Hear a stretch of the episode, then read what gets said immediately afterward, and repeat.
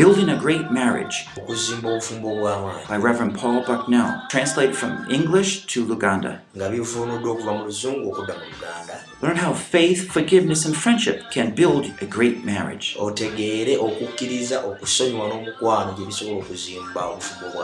Session 5 essomo eryokutaano. Understand and Overcome Conflicts, okutegeera n'okuwangula obutabanguko. Produced by Biblical Foundations for Freedom. www.foundationsforfreedom.net, releasing God's truth to a new generation. okusumulula amazima ga katonda eri omulembe omupya Well, we have talked about faith, faith in marriage, faith in what God's designed. twogedde twayogera ku kukkiriza okukkiriza mu bufumbo okukkiriza katonda kwe yateekateeka But we want to talk about forgiveness here. twagala nati twogere okusonyiwagana Forgiveness is a powerful, powerful tool.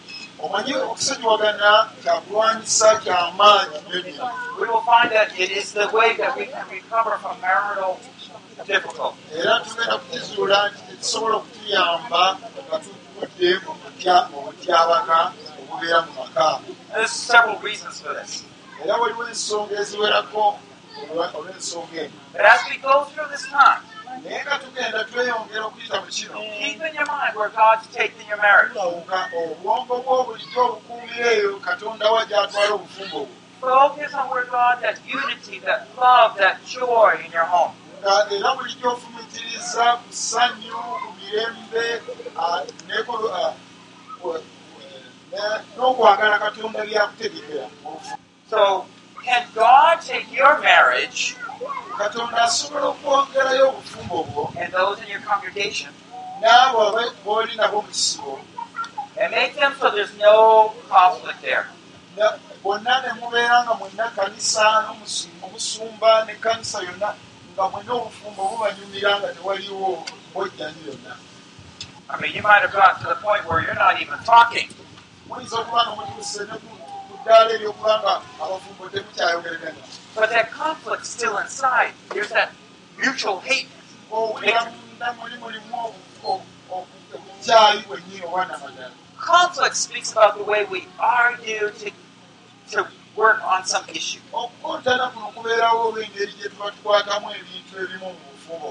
Doesn't God have a peaceful way of doing these things? Katonda alina engeri ey'emirembe esobola oku- okuggyawo endooyito zino zonna mu bufumbo bwaffe Let's just pray as we seek God's peace. katonda. Oh Lord, in the name of Jesus, we ask God that you would bring peace into every heart and marriage.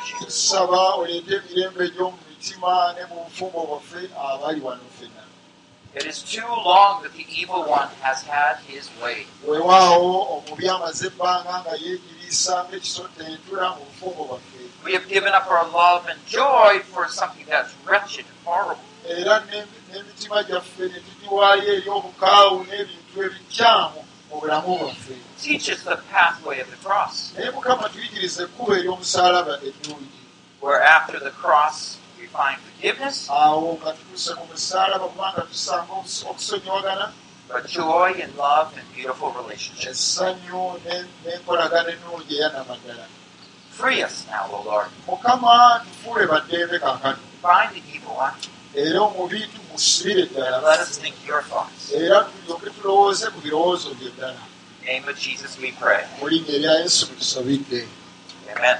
amiina He really does want that peace for our lives. Ah, omu- omukama ayagala tubeere n'emirembe egyo egyanamaddala mufu- mu bulamu bwaffe So let's first understand why do what is it why is there so much conflict in marriages?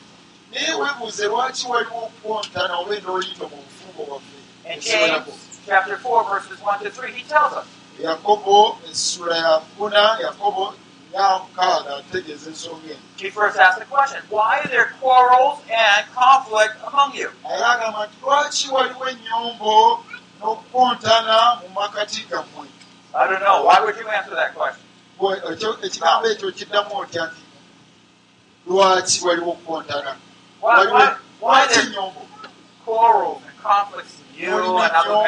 mulimu okukontana buli kiseera mu bufumbo bwammwe lwaki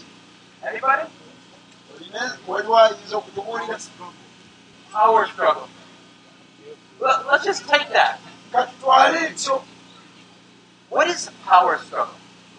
lwaki buli omu alwanira amaanyi agamba nange njagala okubaako nga nze namula one person wants control or decision in a certain way? omukyala ayagala ebintu byonna ebigenda mu maka yasalamu yalamula oba omukyala yalamula naga omwami oba omukyala nga nze namula wano But the other one wants it his or her way.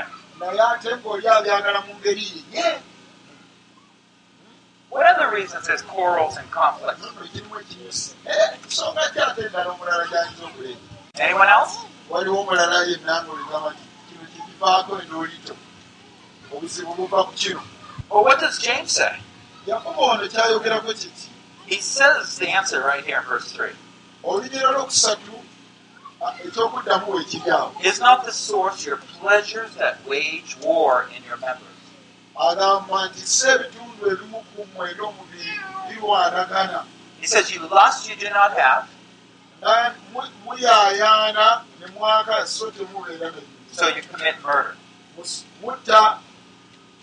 And you are envious and cannot obtain.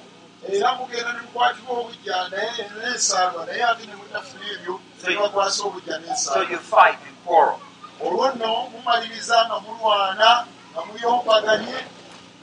And then you do not have because you do not ask.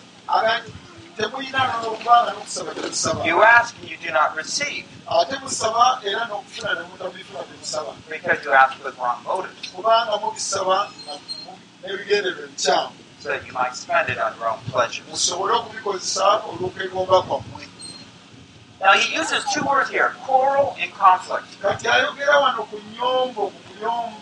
N'okukontana And it's important that we identify the difference between those two words. kati ate kikulu nnyo okuzuula okuvvuunula ensonga zino ebbiri If I use the military concept to translate these, nze nankozesa enkola eri ey'ekidyasi okusobola oku- oku- okuvvuunula ebintu bino ebibiri I would say that the quarrels are the wars, nandigambye nti onyombo zentalo ezirwanibwa ezirwanibwa and the conflict are the battles. ate okukontana zentalo Okay, so the war, the quarrels are those long-standing hostility.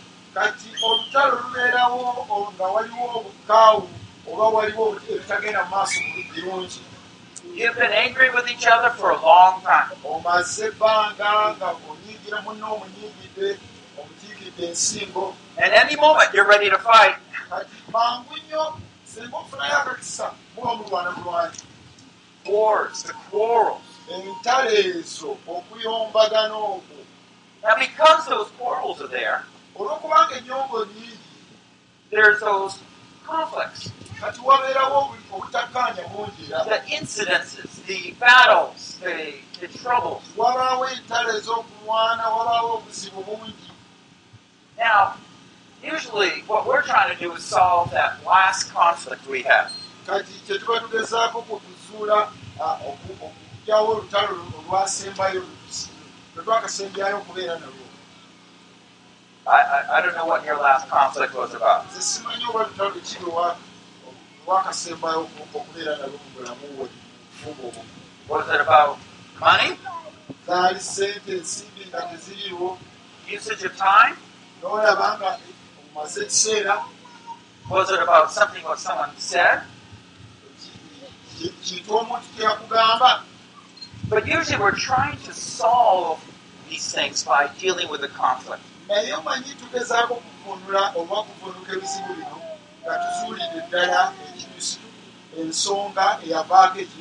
Let me suggest that the way to solve this is not by doing that,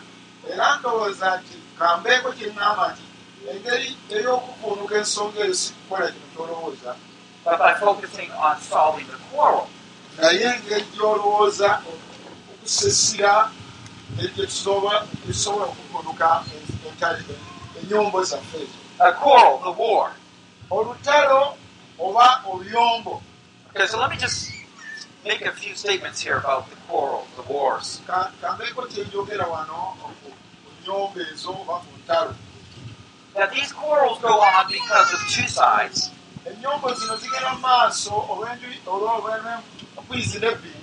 husband and wife. In other words, you can't just have one person in this war. War takes two sides.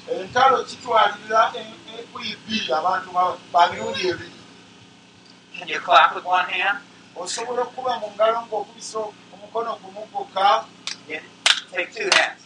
kitwalira emikono ebiri okugisa awamu olyoka okube mu ngalo A quarreler, number two, is motivated to please oneself.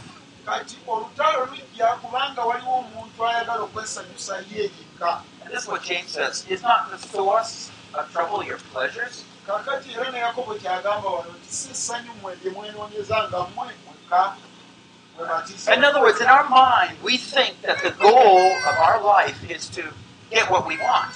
And as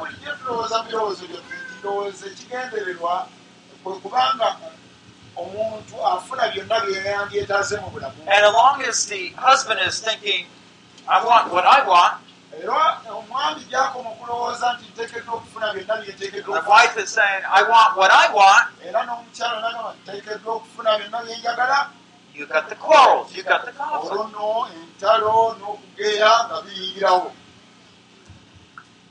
This is the source of the conflict. ey'entalo He explains further.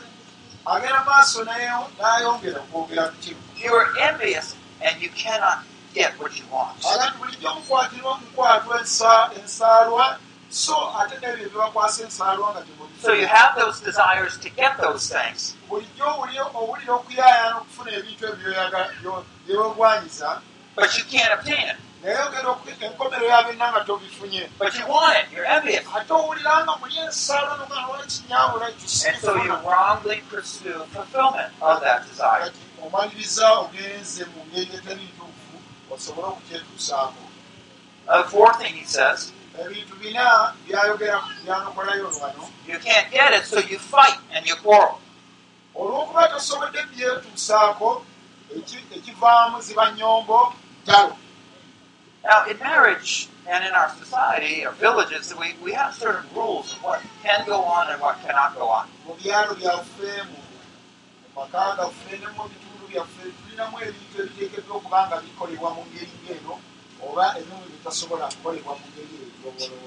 Sometimes a man might say, Well, I can't stop getting angry.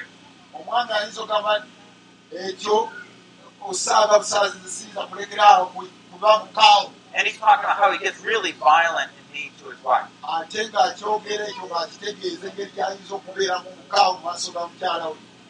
But take him and put him in a different circumstance with his wife, maybe out in a public situation. oba nga bali awo mu lujjudde Can he control himself there? kati nga omukyalo omwami otasobola nakwefuga mu bantu Yeah, usually he can. omwami osobola okwefuga ebintu weebanga ebi But in privacy, he doesn't have that social control so strong. naye ng'ate eri bwe babeera eri mu kisembo oba awantu awasirifu tosobola kweziyiza Out in the public, he has to be a little more polite. kati wano ate mu bantu ebiseera ebimu abamuwombeefu nnyo omwami addamu mukyala we negonjebwa mwana mugole Ah, So there is that self control, but without those controls around him, he will let it go. naye ate bwe babeera eri amuboggolera ng'alinga zino gundi eggulu eri erikubeera James also says, because you don't ask. naga nti temufuna olw'okuba nga temusaba You know, see, the quarreler is not looking for God's way. ennyombo tezitunuulira nkola ya katonda When you want something, bw'oba oyagala ekintu you're trying to argue, ottanula okuwakana do you just sit down and pray? bw'obanga ekintu ekyo okireetaaga otuulako wansi n'okankana n'osaba Why not? lwaki Because it's what the word says. You do not ask. kubanga ekyawandiikibwa kitugambye nti mubyagala naye ate temubisaba You're ignoring God's way. katonda omu- omuzza ebbali nogambye enjagalo nakinkolerwa nti katonda Maybe because if you asked Him, kubanga oba oli awo senga omusaba he would say something that you wouldn't want to hear. nga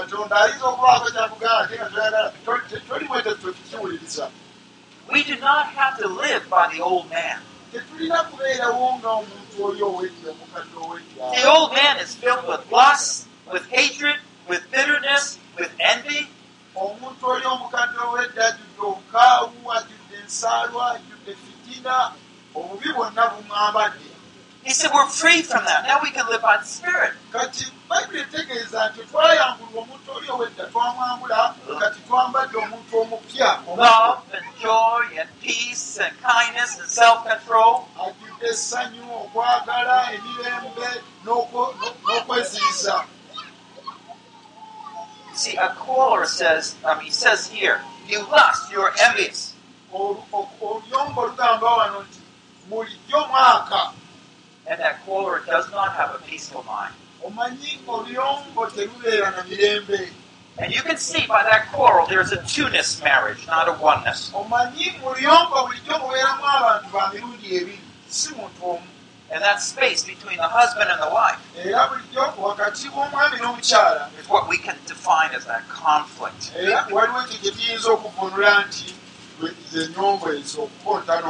Anytime you allow that between the husband and the wife, it's a separation. bulijjo buli we babeerawo okukontana wabeerawo okwawukana And so there's one set of desires, another set of desires, and there's clash. ono alina by'ayagala n'oli alina by'ayagala nga kyawe bamaliriza bakontanye Now, marital harmony is quite different.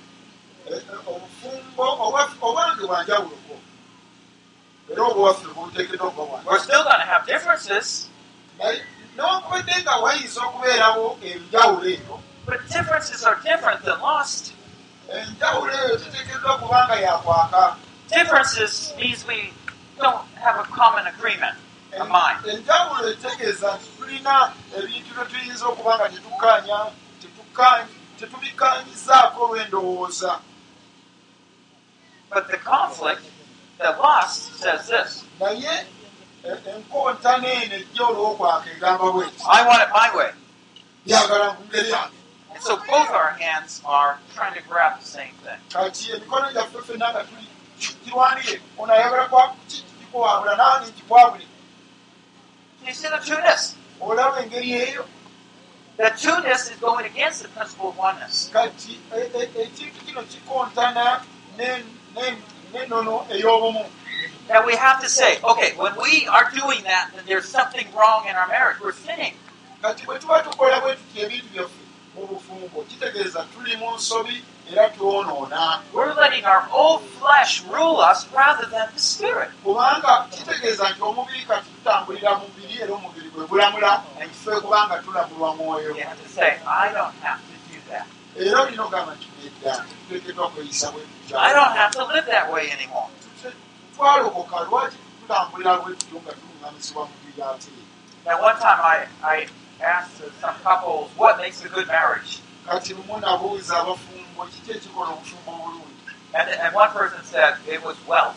kati omu naŋŋamba bugagga muli bagagga mulina ku ssente mafaranga I don't know what you think about that.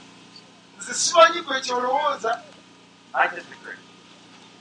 naye nze ekyo sikikkiriza nti mafaranga ge gakola obufumbo Wealth can, for a while, disguise lousy marriages. obugagga buno bw'olowooza nti bwe bukola obufumbo ekyo kikyamu era kireeta ebi- ebintu birala But they still have a lousy marriage. kuba nze ndabye abantu abalina ssente nga bagagga ddala naye ng'obufumbo bubalemye nga balina ebitalo Because there's so much money, the husband can do what he wants, the wife can do what she wants. omukyalo oyinza okusanga nga byomere alina buli kimu kyayagala okukola n'omwami bw'atyo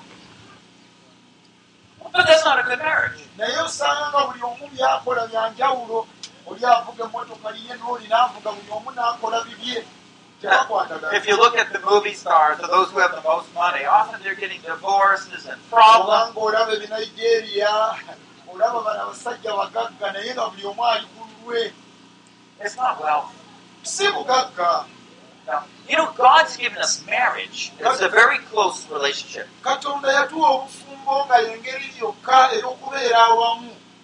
means if you're going to talk a lot and, and work through a lot of the issues. kati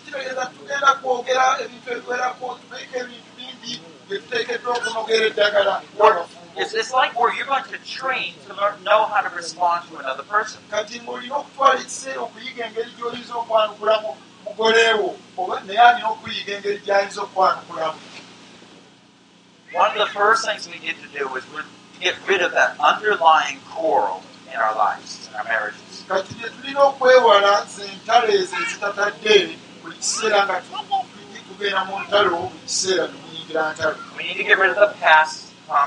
Tulina okwerabira ebyemabega ebyo tubisuule bali tugende maaso So let me ask you, what are the desires that you're trying to fulfill? kati nyiza okubuuza nti kuyaayaana ki kwe kwogezaako okutuukiriza mu bufumbo bwo You might say, I have a right to so much money. I have a right for you to be quiet and just let me have a quiet home. Naga nina nange obuyinza gwe okuba nga to- tofuguma mu maka muno. Tusobole okubeera n'amaka amalungi. Can you tell me? Well, what are those things that people are looking for? Power struggle. But what are they struggling over? power struggle. Kuma nga tulwanira obuyinza. Buyinza nabaki obulwanya ababiri bano. Ng'olinayo kyoyinza okuwa olina kyomanyi noga nti balwanira kino. Omwami asike n'omukyala naye ayagala kuzza ludda lwe biki ebibalwanya buli omu ayagala abeeko kyawangula. Banze nina wano njogera sente nte nzirina omwami ajja kubanga buli kiseera. Eh? Okay, but what are you disagreeing over? naye biki bye muba temukkaanyaako ebibalwanya muba temukkaanya abakyala temulina ddala byona lwakuba obusinze naye omwinamanyi Is it because uh, doesn't want any more children, so you don't want to have uh, be together in bed, or? Kubanga omukyala noganiriza nabiko wansi oyo kufukumulamu abaana olowooza najja kuzaala buzaazi ekyo nakyo nekibaviirako olutalo. Omwami ayagala baana ate koganize aa nze nkomyawo abo bakumala. Waba mugererako basatu bakumala. Talo tutandikirawo muwulire lwaki musimba mubimanyi entalo muzimanyi eyo mwe teziriyo eyo kale mukama omulungi avugire ekyali ntalo You don't have any problems. All right. So there's arguing over how to use something that's in the home.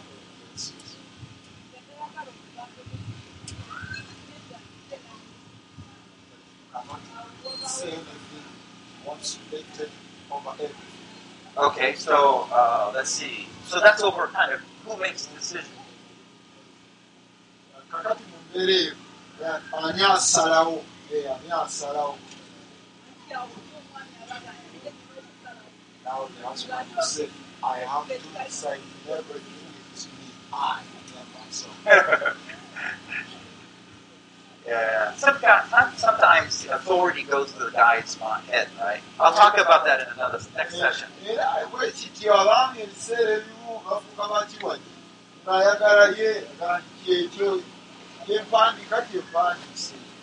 I'll give you a better way of making decisions.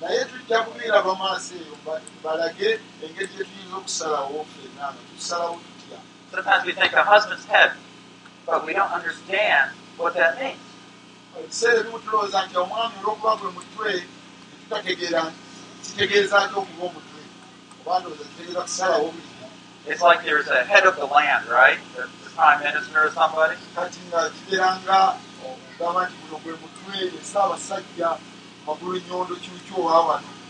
If he said he makes all the decisions,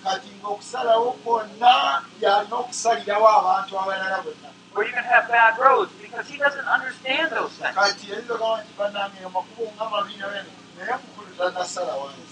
He needs assistance. Naye ng'olowooza ye teyeetaaga buyambi abantu bano abalala basobole okulaba ensobi eno bamuyambeko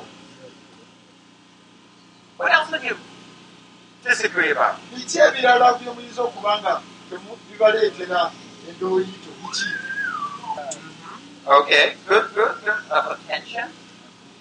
Difference of attention and time. Very good. How about the men? ekyo kiyitirivu bannanga abakyala be boogera abaami abaami mubadde ki Ah, yeah. baawo abakyala batandika okubanja nebeetaaga ate omusajja tasobola kukolako omuntu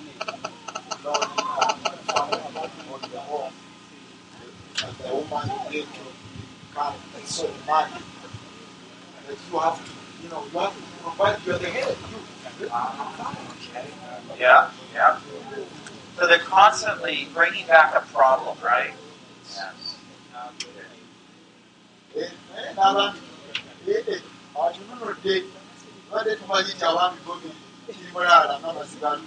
naye kakati Another brother? asobola okutandika okukuma n'afuuka balunayiza waliwo omulala ayinza okutuwa ensonga Okay. Yeah. All right. So there's a sense of control. You know, we have to go back and say that each of these issues, we have to go down underneath. tulina okuddirayo ddala wansi Because the issue you can control, I want control. kubanga olaba nze nteekeddwa okubeerako n'obuyinza bw'oteekeddwa okubeera n'obuyinza wano. And you're not going to have any peace. mumaliriza emirembe tegiriiwo kubanga mulwanira bifo. Nze nteekeddwa okubeera wano nze nteekeddwa aa nze najja nente wali nakusanga kusula ku kiwempe. We need to start identifying that what desires are in us. Kati tuteekeddwa okuba nga tuzuula okuyaayaana mu bulamu bwaffe kwe kulwa that are ruling. okufuga Let's take that last example. kati katwale ngaekyo ekisembyeyo ekyokulabiramu Uh, there's some property there, and people are different opinions how it should be used. Eh, kakati ebintu bino ani ateekeddwa okubibeerako n'obuyinza omukyala gwe wasale yali mugagga ewaabwe najja n'ebintu ebisinga kati olaba awo waliwo omumwawo kyala bamutikka ebintu kati buli lwagiranga nakusanga naki Hey, No. It seems like if you bring things in from the outside and you say it's yours, kati bw'ojja n'ebintu n'otandika okugamba nti bibyo olw'okuba wajja nabyo kati ng'ofuga bibyo it seems like as long as you hold on to those rights, that's mine. kati bw'onookoma okusigaza obuyinza buli oga bino byange najja nabyo Then you're going to have trouble. kati ogera kusigala ng'emirembe tegiriwo ng'olutalo we luli But don't you think the peace of God would be better than some things? naye olowooza emirembe gya katonda tegijjira bintu bino by'olwanira nti kubanga wajja n'ente nojja n'ova naze wammwe Can I challenge you that there's a greater way? okubeeko mu ngeri gye kusoomoozamu nti waliwo ekkuba erisinga ng'okuba eddungi The greater way is this. ekkuba erisinga okuba eddungi When you enter a marriage, oyingira mu bufumbo everything you have is both of yours. ebintu bino byonna bye mwajja nabyo buli yajja nabyo buli wakusanga obyammwe mwembi And at any point, kati mu ngeri yonna when what you value becomes a conflict, kati byosaamu nnyo ekitiibwa bifuuka emanduso eyo- eyo- ey'obutabanguko that you're just willing to release that sense of it's mine, it's mine. kati ekyo kye- kyefiirize kifisse ogabe newambadde najja nemmotoka kati yaffe ffenna kitadde mwami kikozese When Jesus lived on earth, he lived without things. yesu bwe yajja n'abeerawo mu nsi muno teyalina nnyo bintu byabugagga by'amaanyi Once we have things, bwe tubeera n'ebintu if we fight over them, bwe o- okulwanagana olw'ebintu bino it's better we don't even have them. kyandibadde na kirungi tubeeko tubeere nga tetulina nekye tulina tusibeeko It's better to have that peace. wakiri tusigaze emirembe gya katonda It's better to have God's love. tubeere n'okwagala kwa katonda Otherwise, we're just like the world. kati olwo tuba tewali njawulo na nsi kuba ensi bwetyo bweri So we need to see what those desires and be able to turn away from them. Tuteekeddwa okuzuula okuyaayaana kwaffe mu bulamu kuli kufaanana kutya tusobole okuba nga ebintu ebyo tubi- tubikasulira ddala wala Let me give you a prayer that maybe might help you. kankuwa okusaba mpozi ekitundu ky'essaala eno kiyinza okuyamba Especially if you brought it in from your own family when you got married. bw'obanga wajja n'ebintu nojja nabyo nga omukyala obyetika okuva ewammwe nojja nabyo mu bufumbo Say, Lord, ga nti mukama we're beginning to fight over this thing. tuta- tutandise okulwanira ebintu bino bye najja nabyo I know this is not the way you want it. era mukama omanyi nti ebintu bino toyagala ebintu tubi- tubikwate bwe tuti It means a lot to me. mukama weewaawo kitegeeza bitegeeza ki kinene nnyo gyendi But to be truthful, naye amazima gali your love, your peace in this home is more important than this. okwagala kwo n'emirembe gye bisi- bisukkulumya ebintu bino bye mbadde ntunuulira nti bya muwendo I'm turning it over to you. mukama ebintu bino nze bikukwasizza It is no longer mine, it's yours. tebikyali byange bibyo And whether I can't use it anymore or whether I can, oba nsobola okubikozesa oba sibikozesenga I'll leave that to you. ebyo mukama bikule- bikulekedde bitadde Now it's holy, it's yours. mukama kaakano bitukuvu bibyo In Jesus' name. Erya yesu What you did was relieve your right that no longer is it something you're going to lust to protect. And so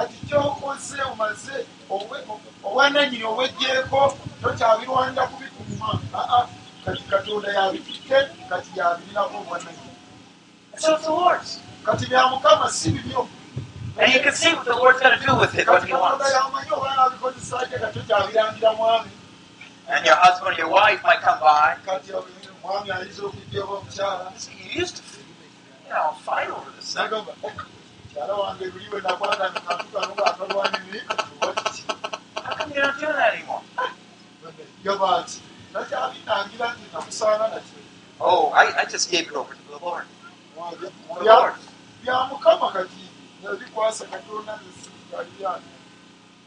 And he's beginning to see, or she's beginning to see, that, oba wow, mwami oba mukyala atanula okulaba n'alaba nga awaali olutalo terukyaliwo it's not those desires in you that are ruling anymore. okuyayaana kuliko walina nga tekukyafuga nate You know, the biggest wars often start with little incidents.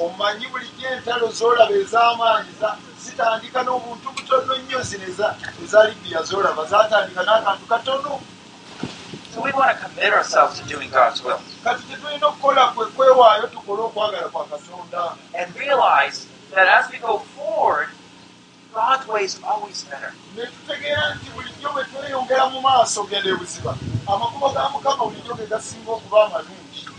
Now, let me give you some uh, principles for creating marital harmony. Era obweddembe obweragaza We're already beginning to talk about them. We, we saw how come couples are quarrel- quarreling. twalabye dda abafumba engeri gye bamegganamu ne beekuga But how do you create that harmony? naye oleeta otya obumu n'okukkaanya mu maka gammwe We're going to use a passage from Philippians 2 2 to 5. A- abafiripo bbiri abiri mu ttaano Again, because bbiri okudduka ku lwokutaano the way Christ treats the church is the way it is like a marriage. So we're going to be learning from principles that God gives us between Christ and the church. kristo engeri gyayisaamu ekkanisa y'engeri emu naffe ng'abafumbo gyetuteekeddwa okweyisaamu kubanga bifaanagana Of course, it's the bridegroom, and the church is the bride. kubanga mumanyi nti ekkanisa omukole yesu ye mwami ate okutwala ekkanisa eteriko bala nwankubadde okiiro So it says, Make my joy complete by being of the same mind,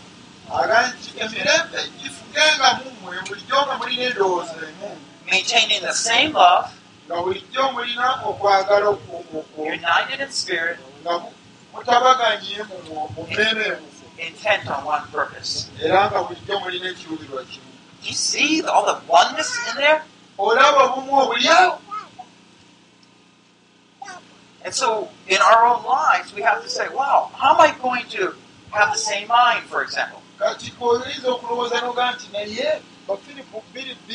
okoma ku lunya lwokutaano nami nabeera ntya n'endowooza eno ne mukyala wange How does a church get the same mind as Christ? ekkanisa erina etya endowooza emu ne kristo How does he do it? ekanisa ekikola etya How does the church get the same purpose as Christ?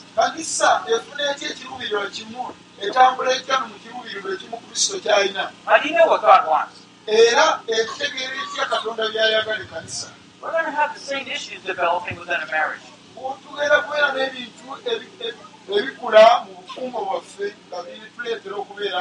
But it's going to base it's going to be based on that foundation of oneness. We're not going to operate out of selfishness, tetugenda kubitambuza nga tutambulira mu mu- mu mululu gwaffe but he says out of humility of mind, consider one another as more important than himself. naye nga bulijjo tuli beetowaze nga bulijjo tusanganamu ekitiibwa ngaomuntu talowooza ku bibye eka naye ng'alowooza ne ku byamulala Along with some traditions that come down to us.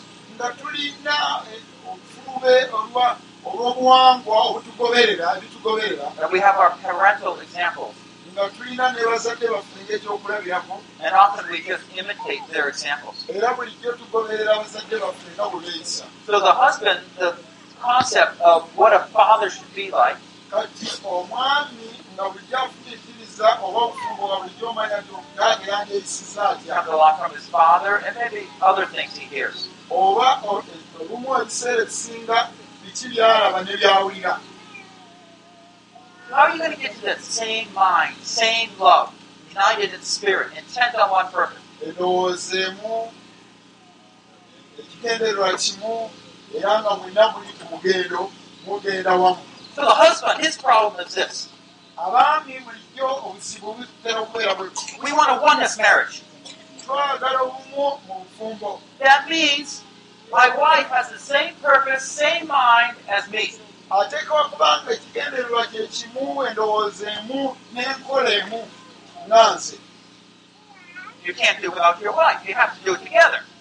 toyinza kukikola oba toyinza kukola bintu mukyalawo gwe wekka weetaaga okuba nga mubikola mwembi Let me give you an example. ambeko kyekuwa ekyokulabirako Whenever I come overseas, I have to spend a lot of time focusing away from the home, trying to uh, raise money. buli lwengenda ebitala w'amayanja baako ebintu byendowooza nfumitiriza ewaka okunoonya ku sente ziwera zirakola ewaka This could easily be a point of contention in our own marriage. God's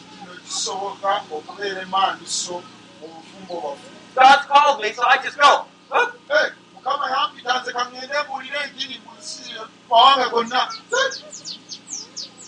Husband goes, wife sacrifice. kati omwami agenze omukyala n'akafiiramu That's not what we do at all. tebabikola bwe batyo You see, my wife and I work together.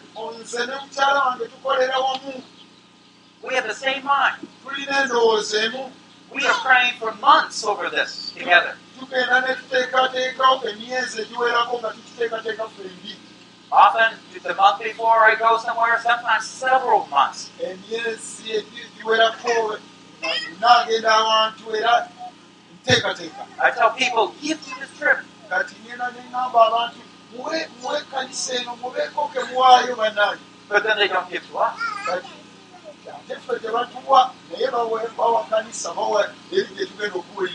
No income this this month.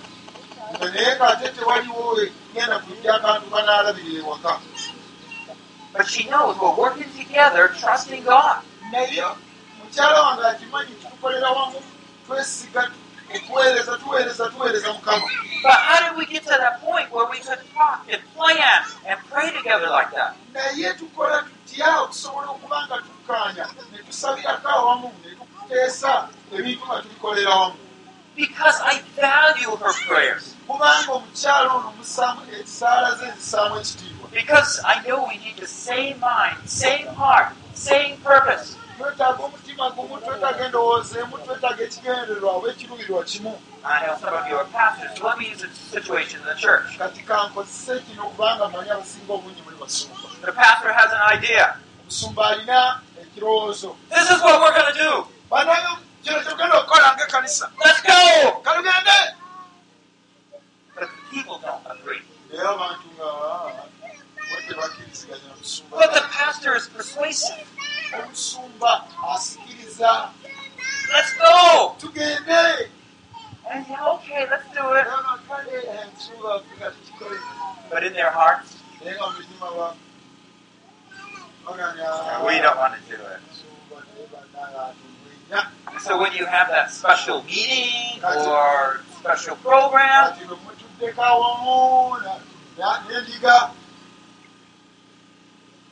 people don't really give or they don't really care.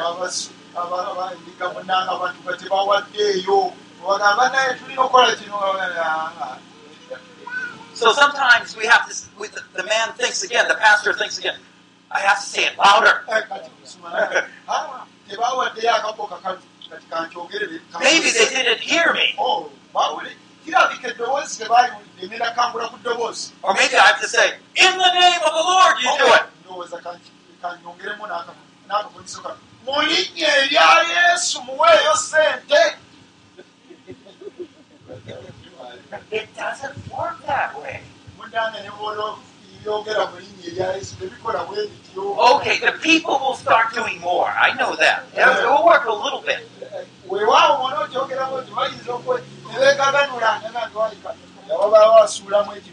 But that is not how God works with us, and it's not how a shepherd should work with the sheep.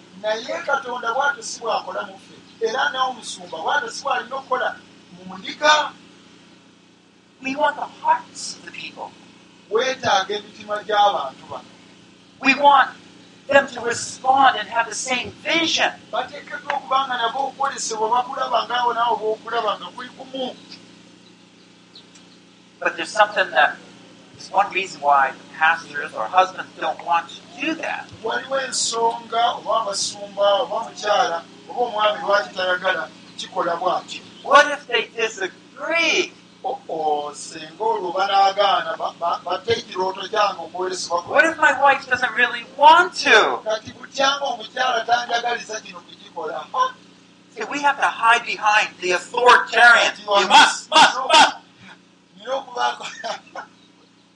tulina okwekweka eno tubeere mabegawo ekiki Okay, oteekwa buteekwa oteekwa buteekwa But we're violating a principle. naye ate wabaawo ennono gy'oba omenya abooluganda Did God make a wife a slave or a helpmate? bw'osuubidde nti katonda yakuba omukyala ono kalogoyi What oba mu- muyambi we what is it? njagala kuwulira buno bulogoyi oba muyambi muyambi Muhammad. muyambi Helper, yeah. But we treat her more like a slave. naye ebiseera ebisinga abakyala bano tubatwalanga bulogoyi But what if instead we saw her as someone that is, has the same mind, same purpose as me? naye kiba kitya singa omuntu ono omutwala ng'omuntu alina endowooza ng'emu neeyo n'okwolesebwa n'ekigendererwa nga kyekimu I have uh, a man that's interested in my oldest daughter right now. nina omusajja nga yamala dde okusikirizibwa n'omu ku bawala bange So I- I sat down with him and started asking some questions. kati natuula naye tula naye ne mubuuza ebibuuzo ono omuvuka ayagala okuwasa muwala wa And he was just saying, you know, right now, what I'm doing is just seeing if she has the same kind of vision as I do.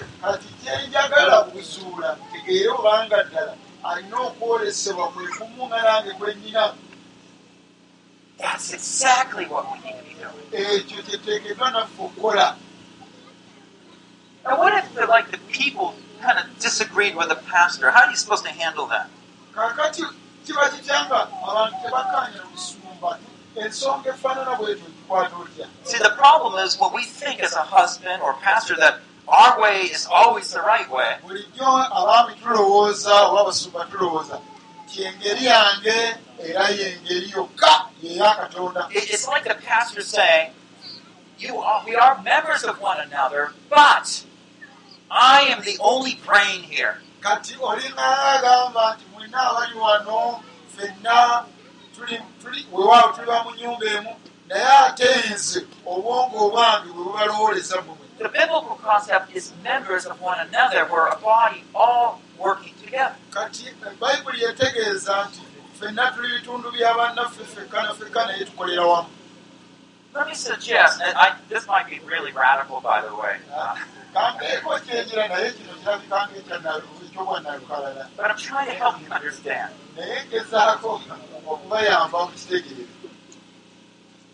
Everyone has something to contribute. buli omu ku ffe alina kyayinza okusaawo erina ettafaali lyayinza okuzimba kusaako And when God is speaking to somebody, kati katonda bw'abaako omuntu gw'ayogera naye or maybe that they even disagree, ebiseera ebimu abamu wewaano ayinza okuba nga takkiriziganya that's okay. That doesn't challenge your authority. kati ekyo tekirina mutawaana era tekikyusa bu- bukulembeze oba Sometimes we think the disagreement is rebellion. It's, it's not. ebiseera ebimu tulowooza nti omuntu bwe muba temukkaanyizaawo kitegeeza nti obwo bwakyewagula nedda si bwe kitegeeza So what if a husband says, let's do this?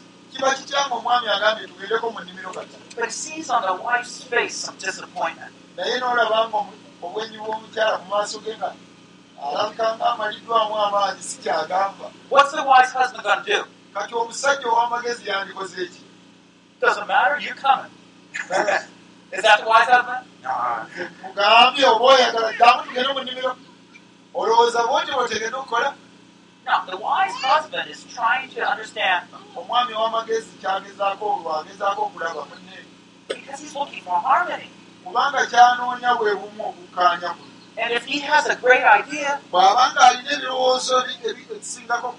he should be thinking, what is the problem that my wife has? You know, sometimes I catch myself going out the door, you know, the front door. But I hear a little disappointment in my wife.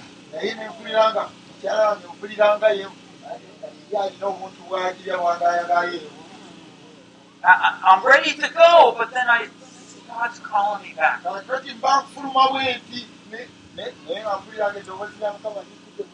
Hey, is, is there something wrong?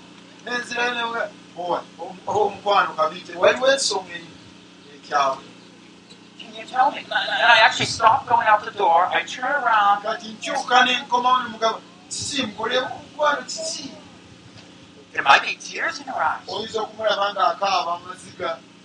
but I want to see what is it that's the problem. naye njagala ntegere ekivaako amaziga kiki nsonga ki You see, a man, when he is head, that is true.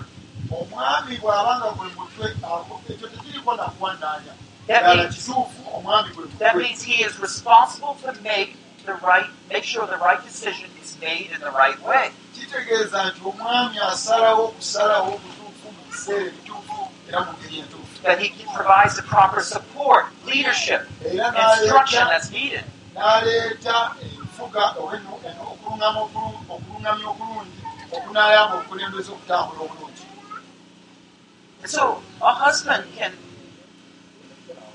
pay attention to a wife omwami asobola okuwuliriza mukyala we kyayogera so that they can come to the same mind, same purpose. basobole okukkaanya basalewo ekintu ekituufu olw'ekigendererwa ekituufu You have a question here? I feel like I'm very different than you're thinking.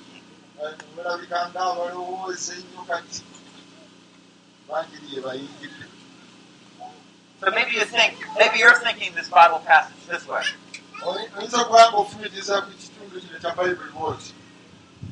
When the pastor or when the husband says something, that this Bible passage is carried out when ekitundu kino kya bayibuli ki- ki- ki- kigamba nti kiteekeddwa okusima mu nkola abadde when the wife stops thinking and does everything the husband's doing. omwami omwami bw'ayogera omukyala alina okulekayo byonna byaba akola mu kiseera ekyo awulirize bbaawe kyaba amugamba mu kiseera But you see, this is going against the whole principle of discipleship. Naye ate kino kiba kikontanira ddala n'enjigiriza ey'abayigirizwa We train people by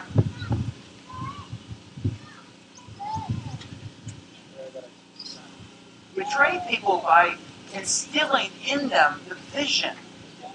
tutendeka oba tu- tuyigiriza abantu nga tubayingizaamu okwolesebwa kwe tubeera nako rather than just forcing them on the outside. Mu kifo ky'okubakakatikako bukakatisinga nti tambula bwoti kola bwoti kola bwoti You share with them your heart and why you do those things.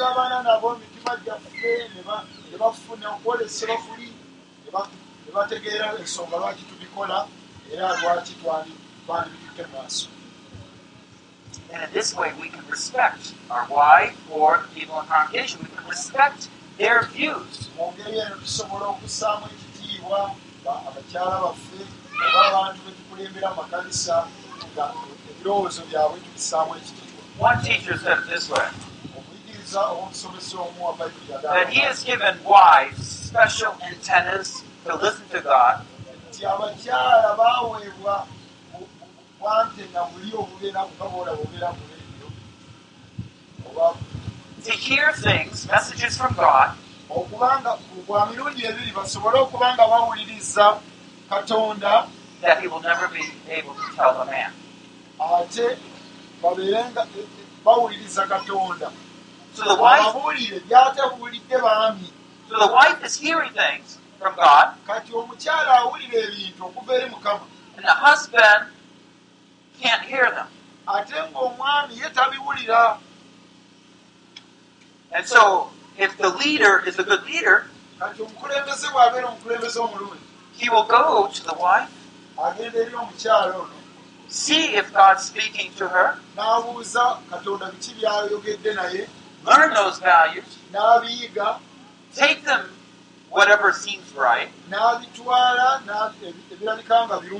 and blend them in with his decisions. n'abyongerereza okusalawo kwe ng'omwami So even making sometimes the more difficult the decision, I will talk and pray with my wife about those very things. era olumu n'okusa- okukola okusalawo okulabika nga kukalubo ngenda nenjogera ne mukyala wange nenfuna ebirowoozo bye kati bwe mba nsalawo ebirowoozo biri mbyongera okusalawo kuli Here, I have to make this decision about this uh, working, going to that country, or let me tell you about that situation. kati olumu ngenda nga ngenda mu nsi ne mugamba nti kakutegeeze mbadde njagala genda kubuulira njiri mu nsi efaanana bweti Do you have any thoughts about that? gwe okirinako endowooza ebirowoozo ku nsi eyo nandigenze e uganda nemulira enjiri Now, sometimes she'll say things I don't agree with.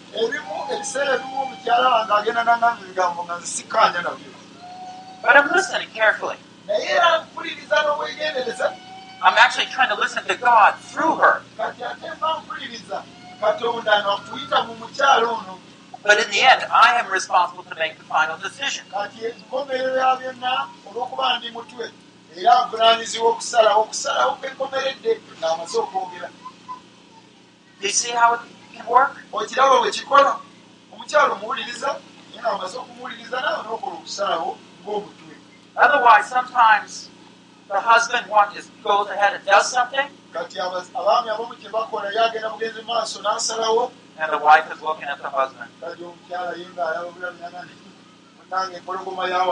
You shouldn't have done that.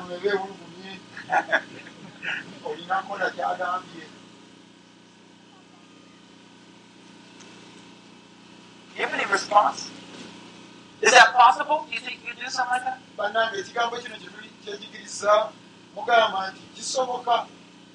See, the question is, is that American or is that biblical? Or is that just crazy?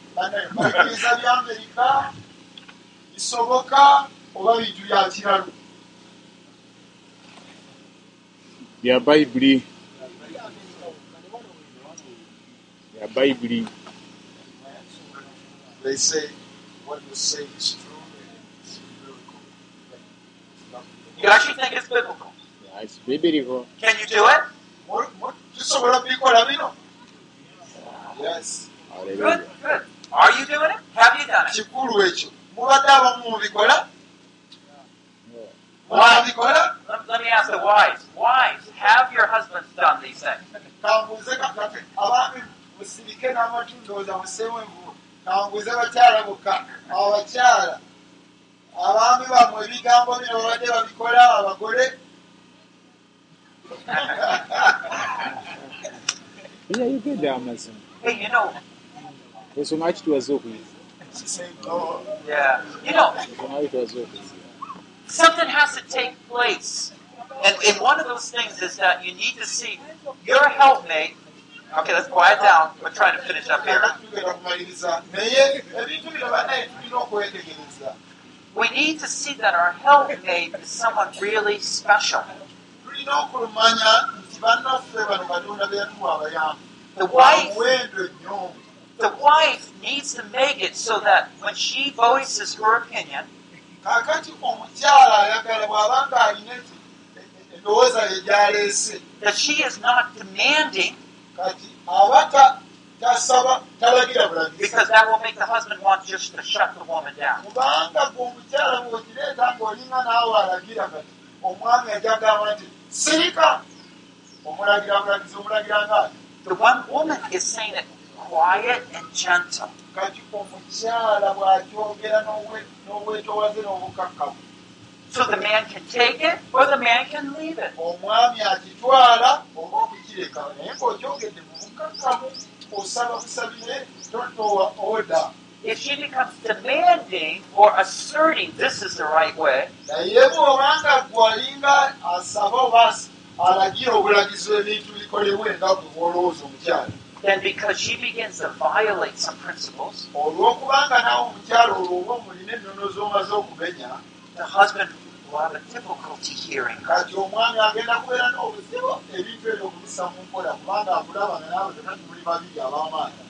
On the other hand, the woman, as she quiets her heart,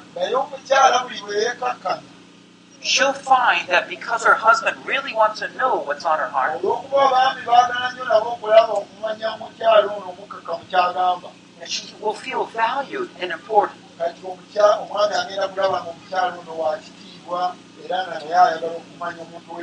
She will sense that we're working together. era naye ajja kumanya nti ono munnange tukola mukozi munnange Do you see how it works? Well, what if you say, well, my husband or my wife are not here?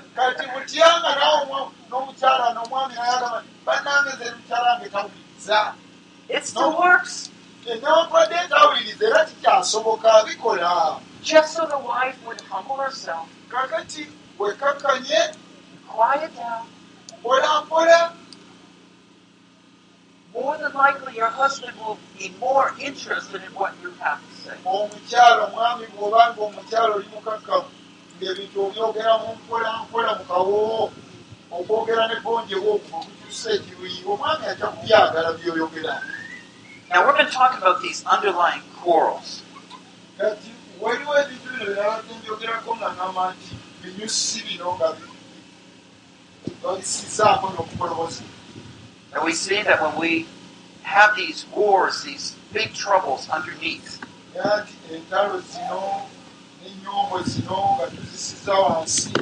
that every day is like a struggle.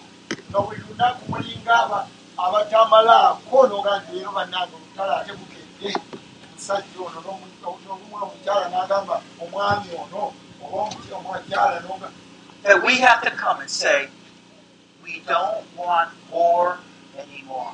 kati kiri erimu okugamba nti kyetaaga ntalo nate mu maka gaffe zikome Maybe I want those things, but I'm willing to give them up. omwami n'ogamba oba omukyala n'ogamba nti ebintu ebyo mbadde mbyagala naye kanzesonyiwe Maybe I want the right of so much money, but I'm willing to give it up. nandyagadde omukyalo omwami ono ampenga ku sente bwezi naye sente ezo zesonyiye Trust is built when you begin to live God's way. obwesigwa bujja oba okwesigangana kujja omunaatandika okubeerawo mu ngeri ey'obwakatonda Do you want to stop the war in your families? mwandya- mwandyagadde entalo zikome mu maka gammwe Now you got to look at me. Some of you are over there again. bannange muleme kutunula eri ne muntunuulire mwandyagadde entalo zikome mu bufumbo bwammwe Do you want to stop the war, the quarrel? mwagala entalo n'ennyombo zigwewo ye Some people, Abo- bonna everybody. buli omu Everyone over here? Yes. What is it going to take you? kinaakutwalira kikankana What decisions do you need to make? kusalawo kiba ogenda okusalawo What rights do you need to give up? Obwa- obwannannyini ki bwogenda okwe- okwefiiriza ogaye nti ekyo kitaddu It's time to change ekiseera okusalawo n'okukyuka because we're laying a base beginning to make big changes in the marriage. kubanga enkyukakyuka ez'omukono zigenda kulabisibwa mu bufumbo bwaffe nga tumaze okusalawo But these quarrels, these conflicts, we have to turn from them. Ennyombo zino okukontana kuno kwe tubaddemu tubireke wano tuddeyo tukole ebintu ebyenjawulo ebinaagulumiza yesu mulinera mukama waffe yesu prayer. katugalewo n'okusaba Uh, Father, we acknowledge your ways are the best. mukama tukkiriza nti amakubo ge gasinga okuba amalungi And we are just sorry, Lord, we have been going on in the wrong way for so long.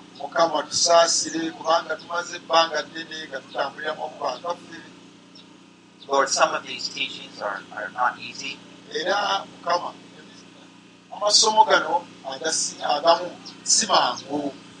We've been fighting over some rights for so long.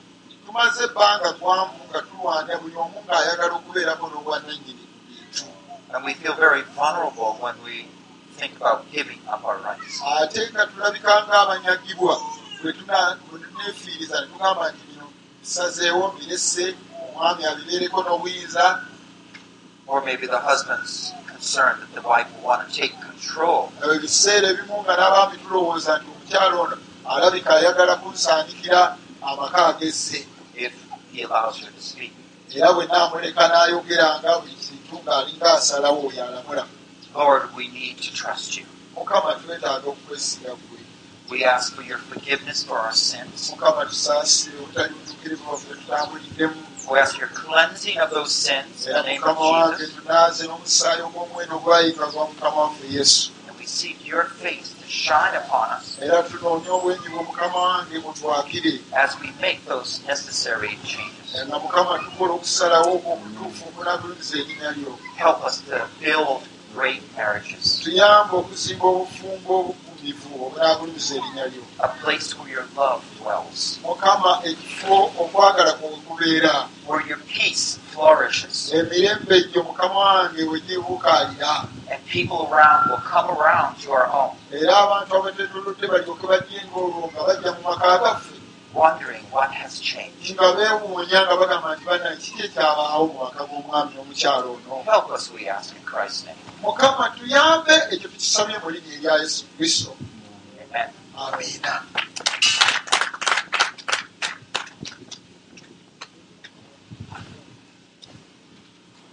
mwebale kubeerawo This concludes this session on building a great marriage. Kino kye kimaliriza lino lyessomo erisembayo ku kuzimba obufumbo bw'amaanyi Session 5 essomo eryokutaano. Understand and Overcome Conflicts. Okutegeera n'okuwangula obutabanguko.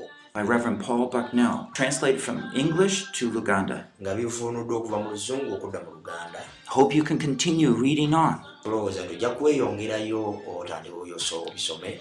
There are many resources on life, marriage, and family. waliwo ebyokuyiga bingi n'amasomo mangi ku bulamu ku bufumbo n'amaka Produced by Biblical Foundations for Freedom. www.foundationsforfreedom.net. Releasing God's truth to a new generation. okusumulula amazima ga katonda eri omulembe omupya